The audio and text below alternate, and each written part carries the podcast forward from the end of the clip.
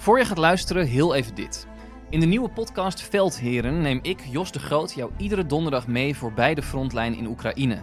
Dat doe ik samen met generaals buitendienst Peter van Um en Mart de Kruif. Zij hebben één duidelijk doel: aan jou uitleggen hoe oorlog werkt.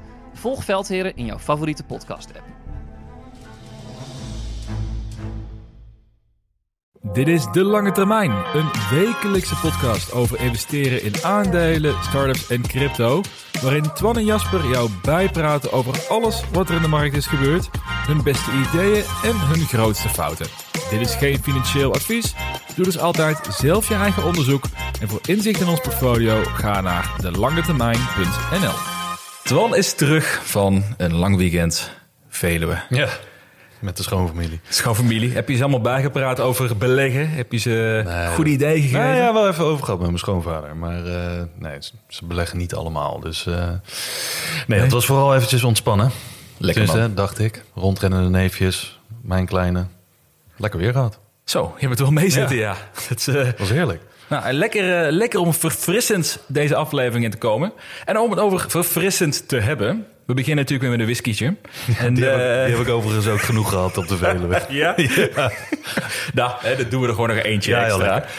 Ik weet niet zo goed wat het is. Ik had deze, kwam ik tegen omdat ik het wel heel grappig uit vond zien ook. De Big Smoke Oeh. heet die. Ik hou van rokerige whisky, maar ik weet niet of die whisky eh, of die echt rokerig is.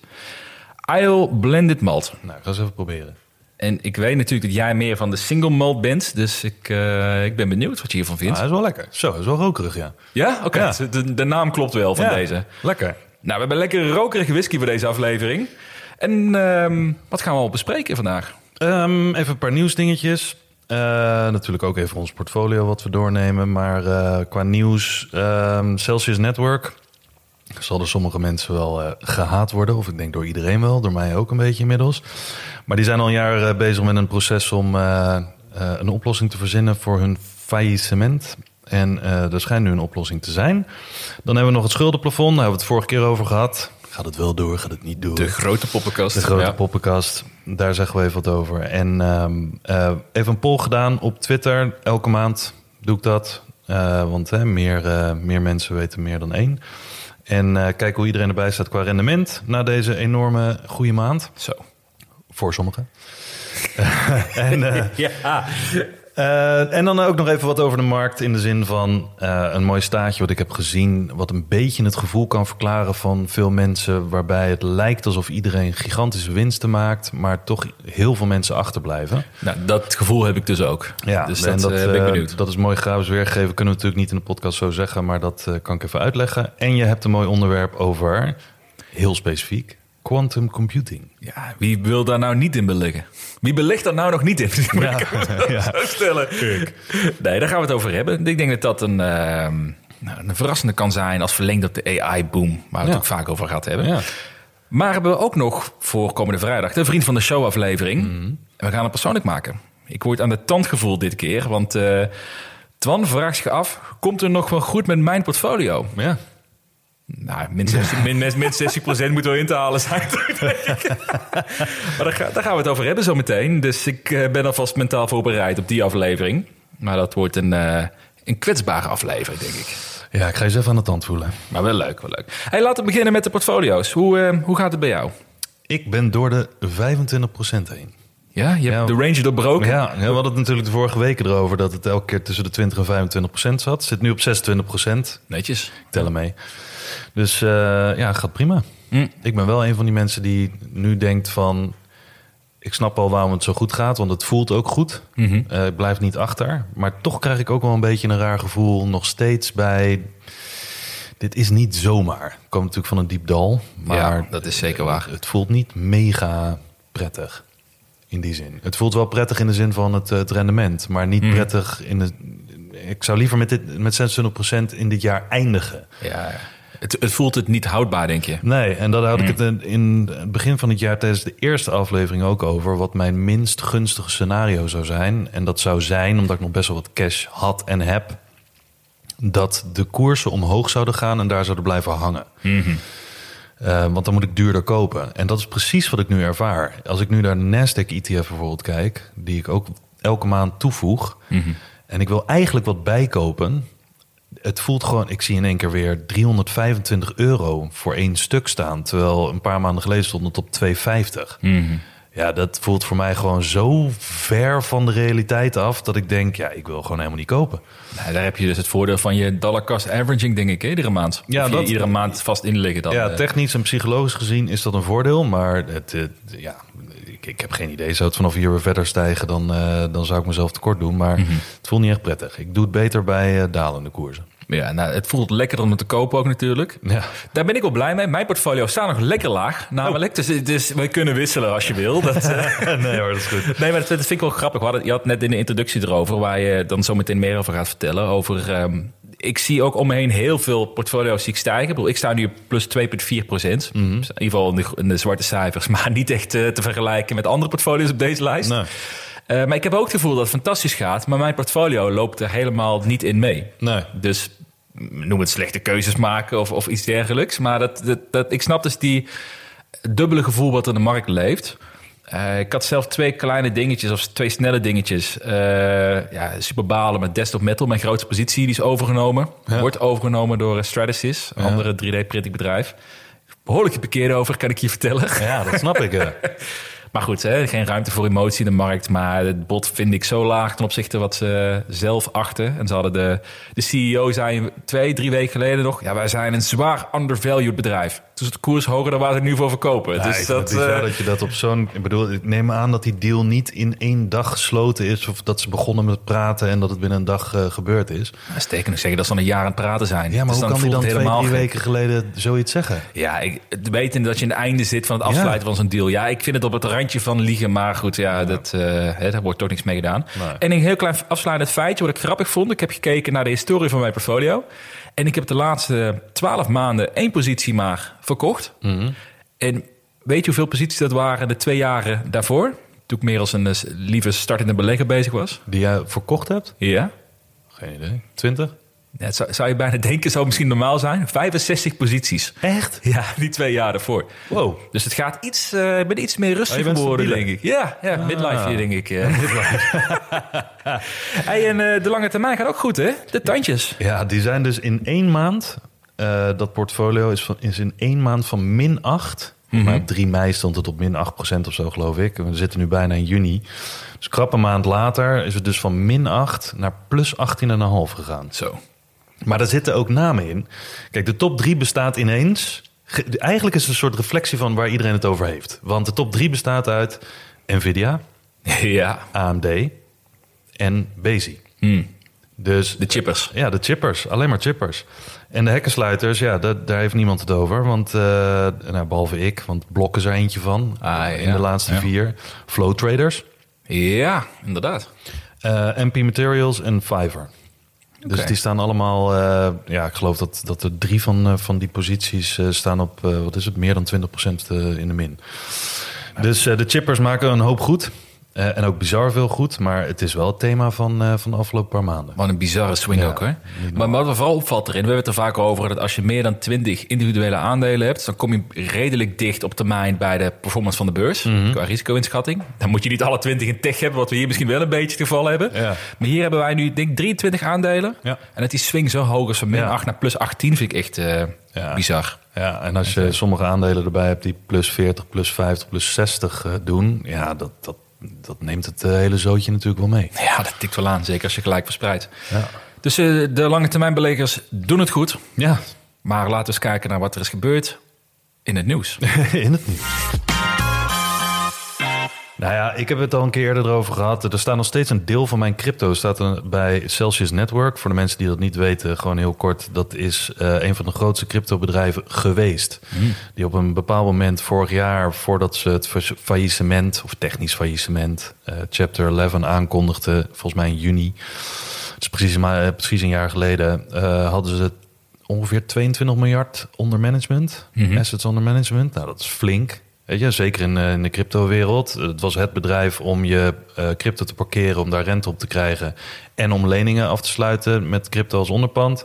Nou, dat is helemaal misgegaan. Ook een soort bankrun hebben ze daar gehad. Ehm, daar is nu al een jaar een rechtszaak over bezig. Mhm. Niemand heeft zijn crypto ervan af kunnen halen in een jaar. Jij had toch ook geld toch erin zitten? Ja, ik heb er nog zeker wat geld in zitten. Ja. Of tussen crypto staan. Ehm, d- dat kan ik er niet afhalen. Je zou kunnen zeggen, nou, dat is een lekker lange termijn potje, want je kan er toch niet aan zitten. maar ja, je wil natuurlijk zelf wel een beetje wat zeggenschap erover hebben. Ehm, maar dat staat er nog vast. Eh, dus continu is er nieuws over. Ja, dan wel niet een oplossing, dan wel, wel een oplossing. Ehm, er was tot twee maanden geleden was er één partij die wilde het overnemen Mhm. De activiteiten, maar er was heel veel gesteggel over hè, wat ze dan gingen overnemen en in welke hoedanigheid en hoeveel mensen dan terug zouden krijgen onder het nieuw management. Dat was Nova Wolf, was een partij die dat wilde doen. Toen ineens is er een bieding geopend, een biedingsproces met nog drie andere partijen die waren geïnteresseerd.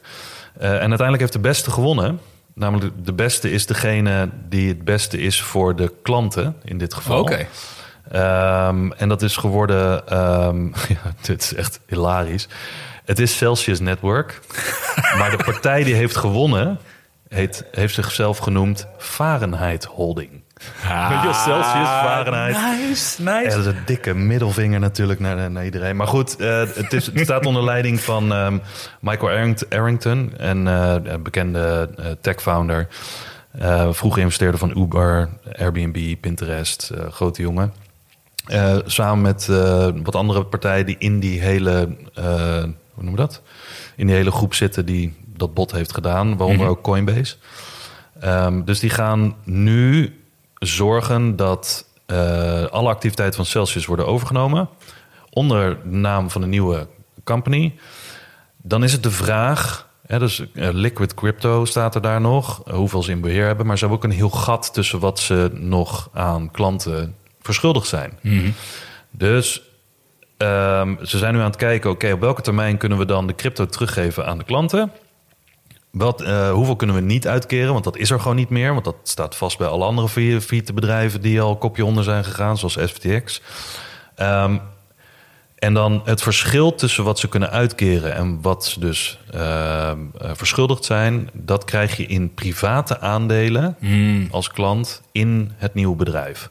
En dan gaan zij proberen om met bedrijfsactiviteiten, hè, venture capital, mining, bitcoin mining, eh, nog wat andere ehm, dingen die ze gaan doen.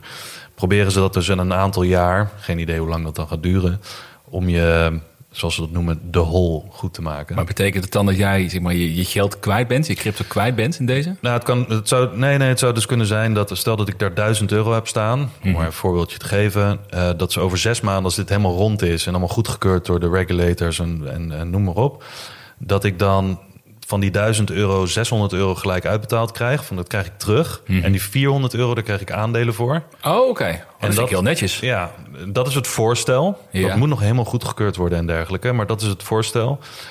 Eh, die 400 euro die, die ik dan moet terugkrijgen, gaandeweg. Ja, dat is natuurlijk afhankelijk van hoe dat bedrijf gaat presteren. Dus het kan ook zomaar zijn dat het misgaat. En dat ze slecht management hebben of weet ik veel wat. Eh, of dat het toch langer gaat duren dan dat je denkt. Of de cryptomarkt herstelt niet meer. Nou, daar zijn ze alle eh, activiteiten natuurlijk op, eh, op aan het baseren.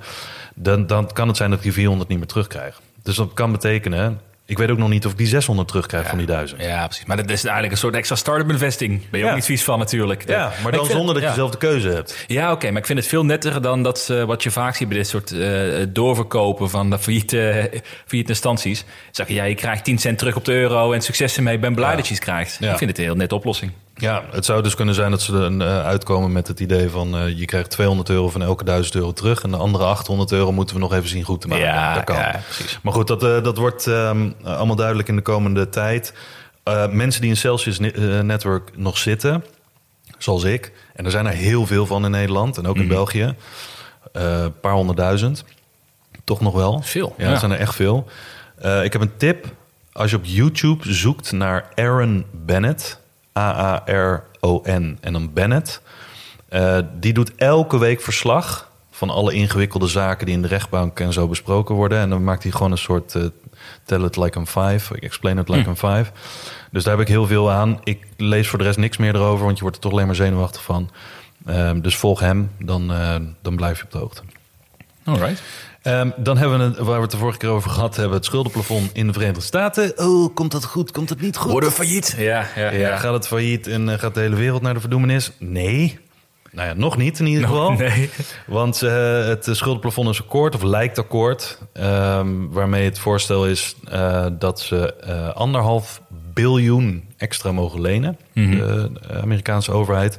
En dat het schuldenplafond niet meer eh, besproken of opgerekt wordt tot aan 1 januari 2025. Dus voor de komende anderhalf jaar mogen ze weer anderhalf biljoen extra lenen. De vraag is dan wel, dat gaan ze dan doen via staatsleningen, hè, de overheid, als ze wat willen lenen. En dan kunnen jij en ik erin investeren. Maar wie wil die staatsleningen kopen? Want normaal gesproken waren het voornamelijk buitenlandse overheden. China heel veel, toch? Ja, maar er zijn dus nu heel veel landen, BRICS-landen, hè, Brazilië, Oh, ja. Rusland en dergelijke, die eigenlijk bezig zijn om het een beetje dat staatspapier te dumpen wat ze nu al hebben. En dat hebben ze ook gedaan. Dus er is minder vraag ehm, naar die staatsleningen. Dus de vraag is een beetje wie, wie koopt dat op? Nou, normaal gesproken zou de Federal Reserve dat kunnen doen. Ehm, hè, dat is een heel technisch verhaal, maar normaal gesproken de Federal Reserve zou dat kunnen doen. Maar ja, die zijn hun balans aan het afbouwen. Ja, dus, meer geld printen eigenlijk dan toch? Ja, Zouden ze moeten doen dan meer geld kunnen- printen, ja, kopen ja. ze dat op. Heeft de Amerikaanse overheid weer meer liquide middelen. Ehm, eh, of bedrijfsleven of de banken. Maar de banken hebben ook hun eigen problemen. Dus de vraag is een beetje, waar gaat dit geld vandaan komen? Hm. Waar gaat die liquiditeit vandaan komen? Maar goed, dat gaan ze vast ook wel weer oplossen. Ze gaan vast wel eerder dan 2000, eh, wat is het, 2025 gaan ze weer vragen voor het nieuwe schuldenplatform. Ja, whatever. Gewoon lekker oneindig rood staan. Ja. Maar eh, dat, dat, dat schijnt dus nu opgelost te zijn. Dus alle doems... eh, eh, denkers en bunkerkopers die kunnen heel even hun plannen uitstellen. Zonde. Zonde.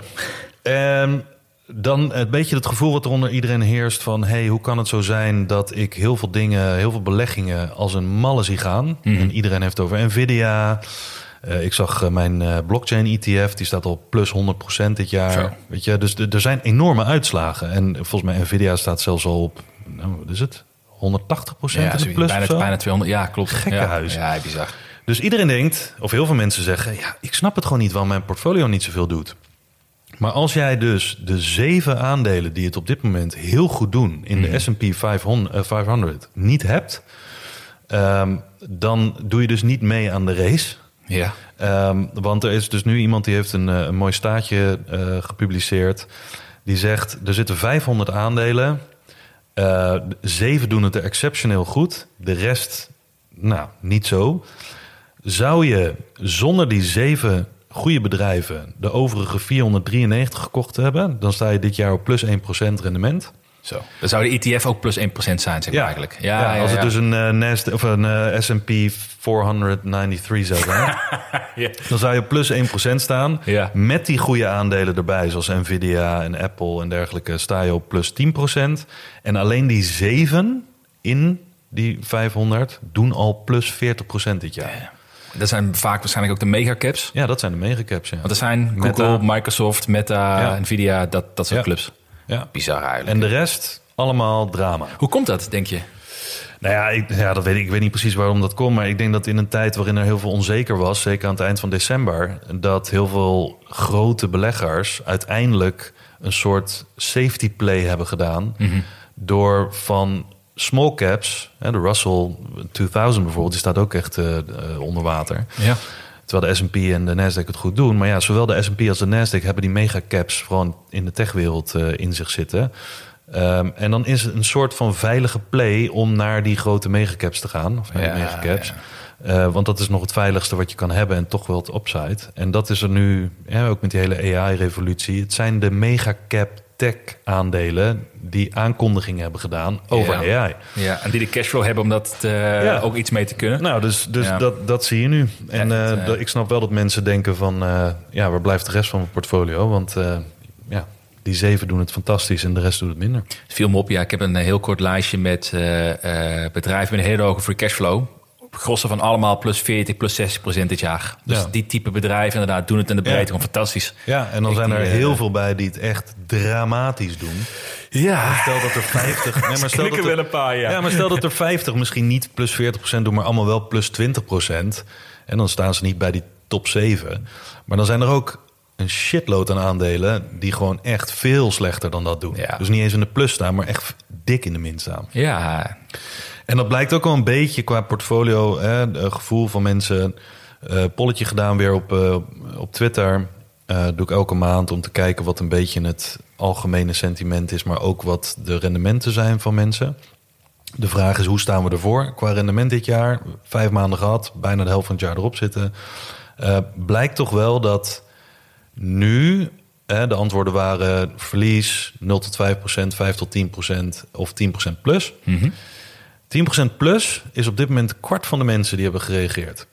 En dat is echt veel, Want hoeveel was het de vorige keer? Ja. ja, 13% volgens mij. Oké, ja, wel flink gestegen. Ja. Maar de enige keer dat dat meer was, was na januari. Mm, ja. En januari was natuurlijk een booming maand. Ja. Niet normaal. Ehm, we hebben ook nooit meer zulke resultaten dit jaar gezien, eh eh, vergelijk met januari. Maar dat geeft wel weer aan dat ehm, er heel veel mensen nu op plus, of 10% plus staan. Mhm. En eh, ik ben de, de pols nog niet voorbij, maar als het, als het donderdag is, dan is hij wel voorbij. Dus als iedereen dit hoort. Ehm, maar dat, dat, ja, ik zal wel weer even wat posten op Twitter hoe dat, eh, hoe dat eruit ziet. Maar het is een mooi, mooie soort peiling van hoe iedereen erbij staat. Want ik hoor links en rechts en krijg heel veel berichtjes. Hoe kan het dat mijn portfolio vrij weinig doet? En vrij weinig is dan hè, vergeleken met de S&P en de, en de Nasdaq vooral. Vooral de Nasdaq. Nasdaq is ook plus 30 of zo, toch? Ja, plus 30 procent. Nou ja, dat is natuurlijk één ding. Dus eh, dan snap ik het wel. Hè? Er zitten heel veel mensen ook in goud en dergelijke. Dat doet het ook niet zo waanzinnig. Ja, Ja. Als je dat vergelijkt met de Nasdaq. Het is gewoon tech. Dus dat was het. Ja, ik, ik, ik voel hem wel. Ik voel me aangesproken Ja. met die laatste opmerking inderdaad. Eh, lekker dit.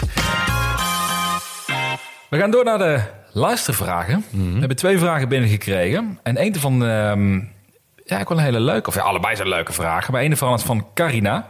Hoe gaan jullie om met emotionele ups en downs van de markt? En hebben hoe hebben jullie dat in de afgelopen jaren persoonlijk ontwikkeld? Veel whisky drinken. Heel veel whisky drinken. Ja. Vooral deze, die, de, de Big Smoke. Is, Ja. wel, is wel goed, hij is wel goed. Nou, weet, ik wat ik, weet je wat ik interessant vind? De, mm, Je bent gevoelloos. Nou, nou ja, ik zei nou, dat, dat helaas, helaas niet ook. Maar ik we hadden het net in de introductie over. Ik, maar ik heb maar één positie verkocht de laatste jaar. En 65 in de laatste, eerste twee jaar toen ik belegger was. Dus volgens mij word je wel, ja, jij weet het beter, maar word je denk ik wel volwassener naarmate Ja. je langer erin zit. Ja. En minder wispelturig. Maar wat ik dus ehm, verrassend vind, ik heb nu de grootste twijfels met Google.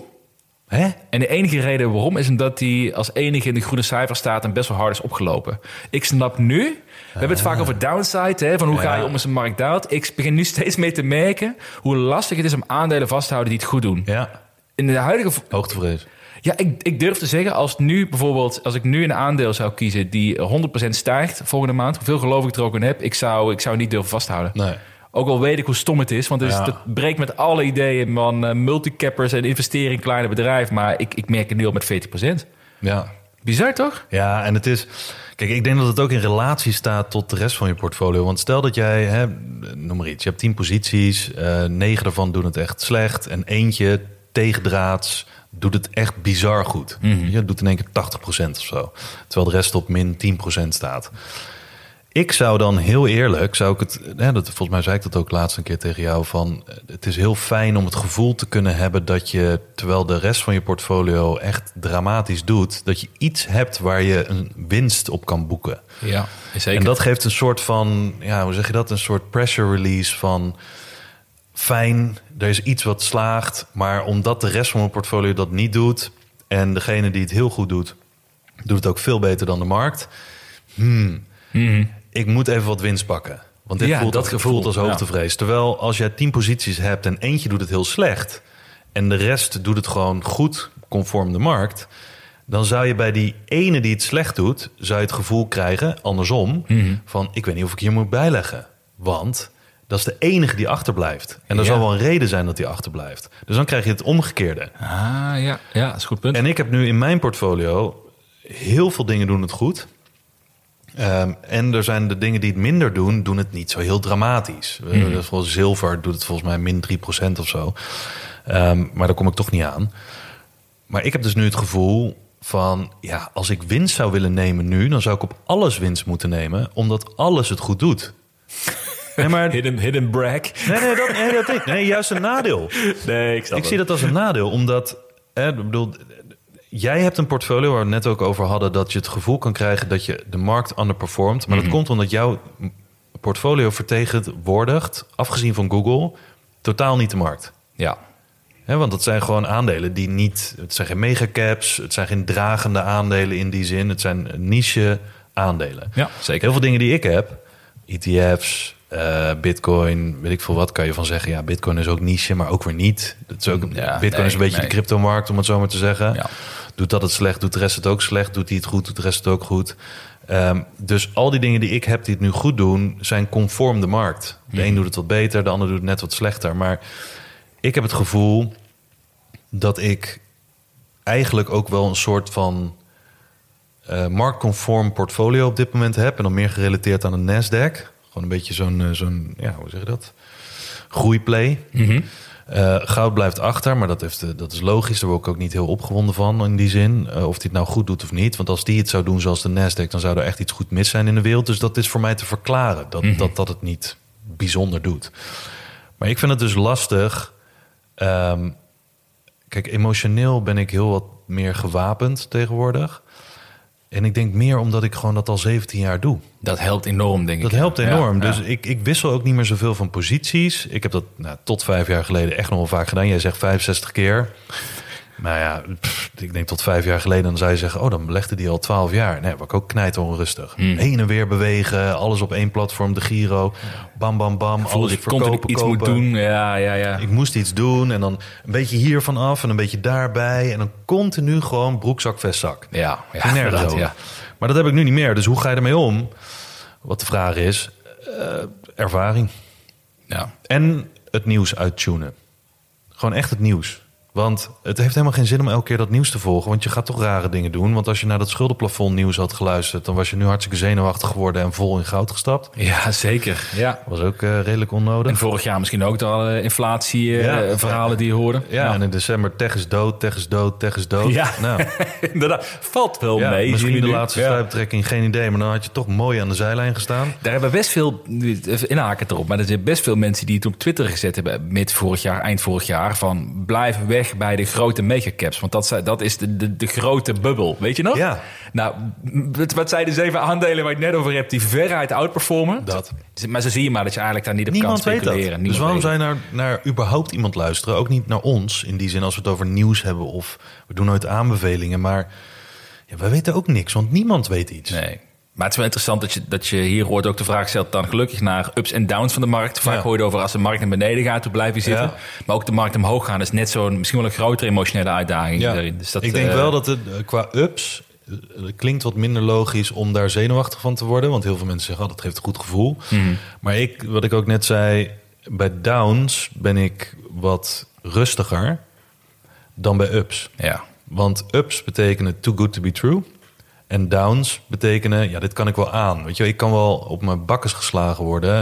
Het ligt aan mij of ik opsta of niet. Maar als je helemaal de hemel in geprezen wordt... eh, met complimenten, weet je wel, in je, in je normale leven... op een gegeven moment word je ongemakkelijk. Mhm. Dan denk je van, ja, waar is dit nou op gebaseerd? Ja. En daarom zijn met ups, denk ik, dat als mensen echt hoogtevrees hebben... wat ik dan normaal gesproken doe, is gewoon een klein beetje winst nemen. ja. Al is het 5% van je positie. En dan s'avonds een lekkere biefstuk ervan koken en dan... eh, Ja, gewoon beloon jezelf een beetje. nou ja, prima. Nou, wel goed punt. Goed Ja. punt, denk ik. Hey, we hebben nog een vraag van, eh, van Marcel over welke boeken over beleggen hebben de grootste impact gehad op jullie benadering van de aandelenmarkt en waarom? Trap jij hem af? Trap jij hem af. Oké, nou, voor mij, voor mij Ze staan hier. Of niet? Deze staan ze allebei niet tussen. Ja, ze Nee, niet Ja, er staan hier vijf boeken op tafel. En alle vijf zijn het niet degene waar ik de meeste impact op heb gehad. Nee, het zijn twee boeken die ik ook al eerder besproken heb. Dus dat zijn eh 100 Baggers. Ja. Waarbij het onder andere gaat over de Twin Engine. is me heel erg bijgebleven. Het principe van lage waardering koppelen met dat je eh, ook een... een nee, sorry, ja, een lage waardering gekoppeld met groeipotentie. Als je Mhm. beide hebt, dan kan je er 100 bagger uitgroeien. Als je één van de twee mist, heel duur aandeel koopt... kan het nooit zo ver doorgroeien hoe groot de omzetgroei ook is. Nou, dat is even heel, heel plat geslagen, Ja. de theorie. En uh, Thinking in Bets vind ik een ontzettend Oh ja. eh, eh, interessant boek Dus dat ook. zijn wel echt twee recente boeken. Ja, maar ik zit nu wat meer in die, de theorie te lezen. Omdat het best wel een rustige markt is dit Ja. jaar. Probeer ik iets meer in de theorie te komen. Ah, Oké. En eh, nou, dat zijn twee boeken die mij een beetje bijgebleven. Ja, Think in the Bed voor degenen die de aflevering gemist hebben. Het idee dat niet iedere beslissing die je maakt per definitie goed hoeft te zijn. Zolang je meeste beslissingen maar goed zijn. En omdat je op een aandeel misschien verlies maakt... betekent niet meteen dat de beslissing slecht is geweest. Dus daar zit een hele theorie achter eh, op basis van pokeren. Dus Ja. eh, was, voor mij was het heel interessant. Ja. Zeker met groeibeleggen. Ja, voor mij. Ik, ik zat net te bedenken toen ik deze vraag zag: van wat zouden mijn boeken zijn? Want ik heb er heel wat gelezen. Maar eigenlijk heb ik, hoe raar het ook klinkt, niet heel veel boeken over beleggen gelezen. Hm. Ik heb best wel veel boeken gelezen over psychologie. Hm. En twee boeken die mij geholpen hebben, niet bij beleggen, maar gewoon om mijn emoties en dergelijke wat niet onder controle te krijgen. Want dat is echt volgens mij een. eh, dat is volgens mij echt onzin. Want emoties komen op en dan pas kik je hersens, kikken je hersens in. Dus je reageert altijd eerst primair en dan pas secundair. Ja. Maar twee boeken die mij heel erg hebben geholpen zijn Atomic Habits. Oh, oh, die staat hier ook tussen. Ja? Ja, daar staat hij. Ja. Atomic Habits. Dat heeft mij geleerd van wat de triggers zijn van mensen en hoe mensen daar over het algemeen een keuze in hebben van hè, vluchten, vechten en eh, bevriezen. Ehm, wat zorgt nou voor die, voor die triggers? Eh, hoe kan je ze herkennen? Wat kan je eraan doen? Hoeveel tijd moet je het geven? Dat is ook met beleggen. Wat zijn Ja. de triggers? Nieuws, gebeurtenissen, mensen die schreeuwen: oh, dit gaat naar 100.000, weet ik veel wat. Oh ja. ja. Ehm, een andere is ook een psychologisch boek en dat is eh The Slight Edge.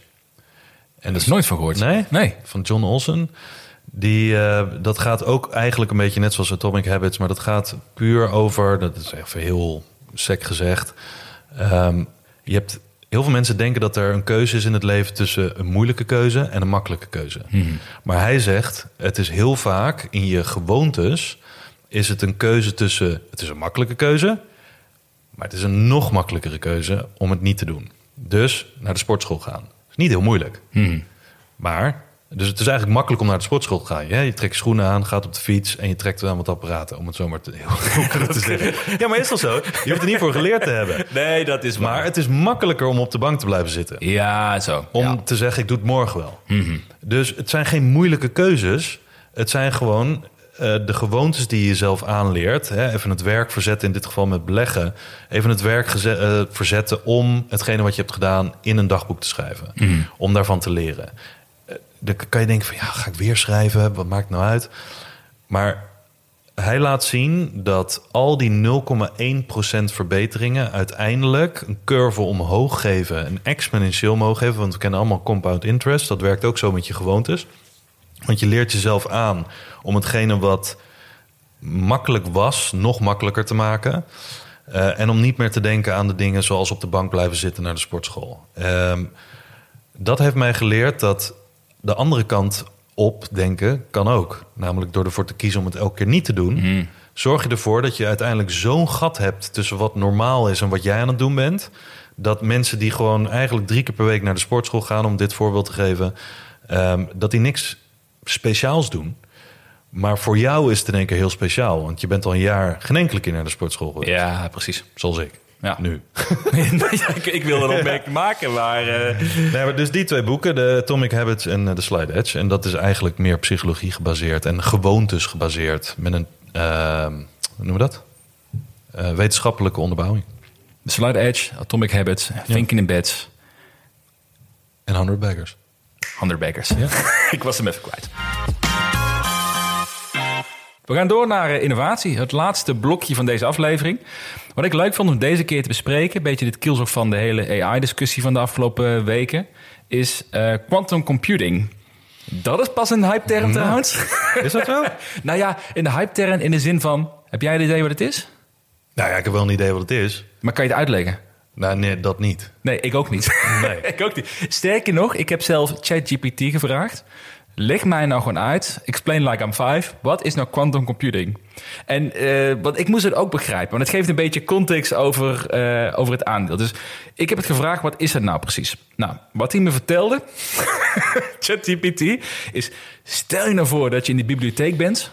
Ik ben op zoek naar het ene verhaal, het ene boek. Hoe kom je daar? Hoe moet je, hoe moet je daar komen? En in de huidige wereld moet je één voor één ieder boek doorlezen. Ah, Lineair proces. Heb, staat niet in het boek? Ga ik door naar het volgende boek. Staat daar niet in? Weer het volgende boek.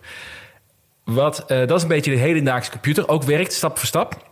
Wat quantum computing doet, is al die stappen tegelijkertijd. Die kan meteen in alle boeken kijken. Waar staat het verhaal in en daar iets mee doen. Ja. En dat, dat klinkt alsof het heel simpel is. Maar het principe, eh, wat super moeilijk uit te leggen is, is dat hij dus alles tegelijk kan en meerdere staten kan dan ja of nee, of, Mhm. of 0 en 1 in computertaal. Dat is de reden waarom het waanzinnig snel is. Dat noemen ze schijnbaar superpositie. Ja. Breek me de bek niet open. Ja. Maar, ehm, maar ik, wat ik dus wel interessant vond ook van... Wat kun je daar nou mee, quantum computing? Want ik kan het niet eens goed uitleggen aan je wat het is. Het is super ingewikkelde stof. Ja. Ik zie best wel wat beleggers die iets doen met quantum eh, wat ik best wel riskant vind. Want ik denk dat heel weinig mensen kunnen uitleggen wat het is. Dus hoe bepaal je dan wat de winnaars zijn? Maar ik had al gekeken naar wat zijn nou drie praktische voorbeelden van, eh, van quantum computing. Voegt hij iets toe? En Wat ik een heel tof voorbeeld vind, is onder andere onder- voor het eh, ontdekken van medicijnen. Eh, Volgens theorie zou de COVID-vaccin 12 maanden gemiddeld duren, 12, 18 maanden, om daar echt een vaccin voor te hebben. Wij hebben Ja. een beetje lopen testen natuurlijk Ja. gaandeweg. En met quantum computing zou het in één dag kunnen. Omdat hij alle strains, alle variaties in één keer gaat testen. In plaats Ja. van ja, nee, ja, nee, ja, nee. Dat vind ik hele coole. Eh, Route-optimalisatie. Klinkt heel simpel, maar als je één route uitstippelt... kan Google Maps je wel bij helpen. Doe daar eh, 300.000 routes per dag. Ah. En, en, en niet dat je iedere route links... Nee, dat is niet snel genoeg. Midden is niet snel genoeg. Nou, als je alles tegelijkertijd doet... stel je even voor hoe blij PostNL hiervan gaat worden. ja. En, en theorie. real time dan ook? En real time, Ja. ja. dus alles tegelijkertijd. En eentje wat voor ons ook heel spannend is, is eh, cryptografie. Ja, en daar ken ik het van. Ja, want Ja. het is eh, in theorie zou dit dus de blockchain kunnen breken, Ja. toch? Of bitcoin kunnen breken. Ja. want nu werkt het inderdaad zo dat je... Hè, er moet rekenkracht en energie in om een wiskundige formule, cryptografische formule, op te lossen. En daarvoor moet je heel veel dingen proberen. Hè, ze moeten Eén heel- voor één voor één, ja, moet je exact. proberen om die som op te lossen of die sleutel te vinden. En quantum computing zou dat dan, als dat nu elke 10 minuten met heel veel rekenkracht zou gebeuren, dan zou dat bijvoorbeeld in 10 seconden kunnen, of eh, minder dan 10 seconden. Dus inderdaad, alle probabilities tegelijk. Ja, exact. exact. En, en dat, en dat is natuurlijk best wel baanbrekend als je, die, als je dat ziet en met medicijnen wat het kan betekenen daarin. Dan zou je kunnen denken, super interessant om daarin te investeren. Maar ik denk, het is nog zo, zo ontzettend vroeg op dit vlak. Dus ga even te kijken naar wat zijn nou aandelen die zich daar echt mee bezighouden. Nou, je hebt eh eh, IonQ, misschien wel de bekendste. Heb ik Oh, ja. een keer besproken in de aflevering. Inmiddels uh, voor mij 200% gestegen sinds die aflevering. Nou, hè? Sinds die, sinds die op je lijst staat? Sinds die op mijn lijst staat. Lekkere tip, niks mee gedaan. Fantastisch. Eh, maar zelfs, eh, nou daar kom ik zo trouwens nog wel op. Je hebt eh, D-Wave Quantum. Daar zie ik heel veel mee gespeculeerd op Twitter. Die gaat soms 50% per dag omhoog. soms Dan weer 20% de dag omlaag. Dus het is eh, alle kanten op. Maar je hebt natuurlijk ook weer de grote. Microsoft, Alphabet, Nvidia zijn er heel druk mee bezig. En je hebt een paar, vind ik ook interessant, twee legacy bedrijven die niemand meer durft te kopen. Maar die Ja. ook verder zijn met quantum dan vele anderen. Dat zijn eh, IBM en Honeywell. Ja. Maar van Honeywell, eh, volgens rapporten, wel tot de top behoort schijnbaar. Die het verste daarmee is. Dus Is dat de IBM niet dat Watson? ja, zou heel goed Ja, kunnen. toch? Zou heel goed kunnen. Ja, Ja. dat project. En wat ik wel interessant vond bij deze, bij, met Honeywell heb je wel een aandeel die al natuurlijk de- een legacy business heeft, waar veel geld doorheen komt en niet alleen afhankelijk is van quantum, maar die schijnen wel ook redelijk goed voor te liggen. Alleen, ik heb dus geen idee, want ik heb geen idee waar ik het op moet, eh, moet Nee. baseren. Dus dan zou je denken, en het vroeg eh, Disruptivator ook via Twitter, van ja, eh, zou je dan niet voor een ETF willen gaan met, met Ja. quantum? Maar die is er niet. Hè?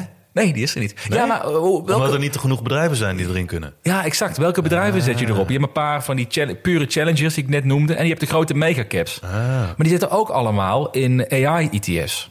Dus behalve dan die challengers dan in dit geval. Dus eigenlijk is die markt nog te klein om überhaupt een ETF te kunnen maken. Het is nog geen sector.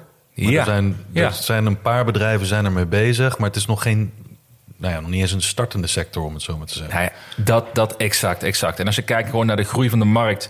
Ze zeggen dat de domein of de markt zou eh, van quantum computing in 2030 zou het 125 miljard dollar zijn. Dat is een kleine markt nog steeds. Eh, redelijk, maar kleine markt. Eh, groeit 37% per jaar. Dus denk je groeimarkt. Maar als je nu kijkt naar zo'n IonQ bijvoorbeeld. Die hadden een, een beter dan verwacht earnings call afgelopen maand. Maar die hebben een omzet van een kleine 20 miljoen dollar per echt? jaar.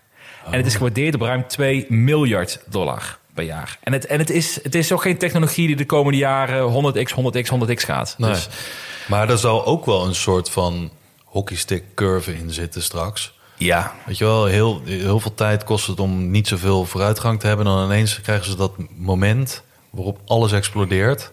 Zoals misschien nu met AI. Geen ja idee. klopt. Eh, even voorbij de hype kijken. Maar dat het dan exponentieel gaat, dat zou kunnen. Dat, eh, weet ik veel, technologie gaat zo verrassend snel. Dat is, dat is zeker waar. Alleen ik denk als je kijkt naar de, beruchte Gartner Hype Cycle, Ja. waar we in zitten.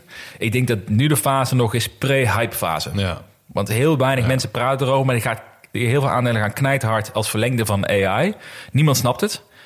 De, de, de omzet is, is te verwaarlozen. Dus daar, ik denk, laat ik het zo zeggen, als conclusie even voor dit stukje.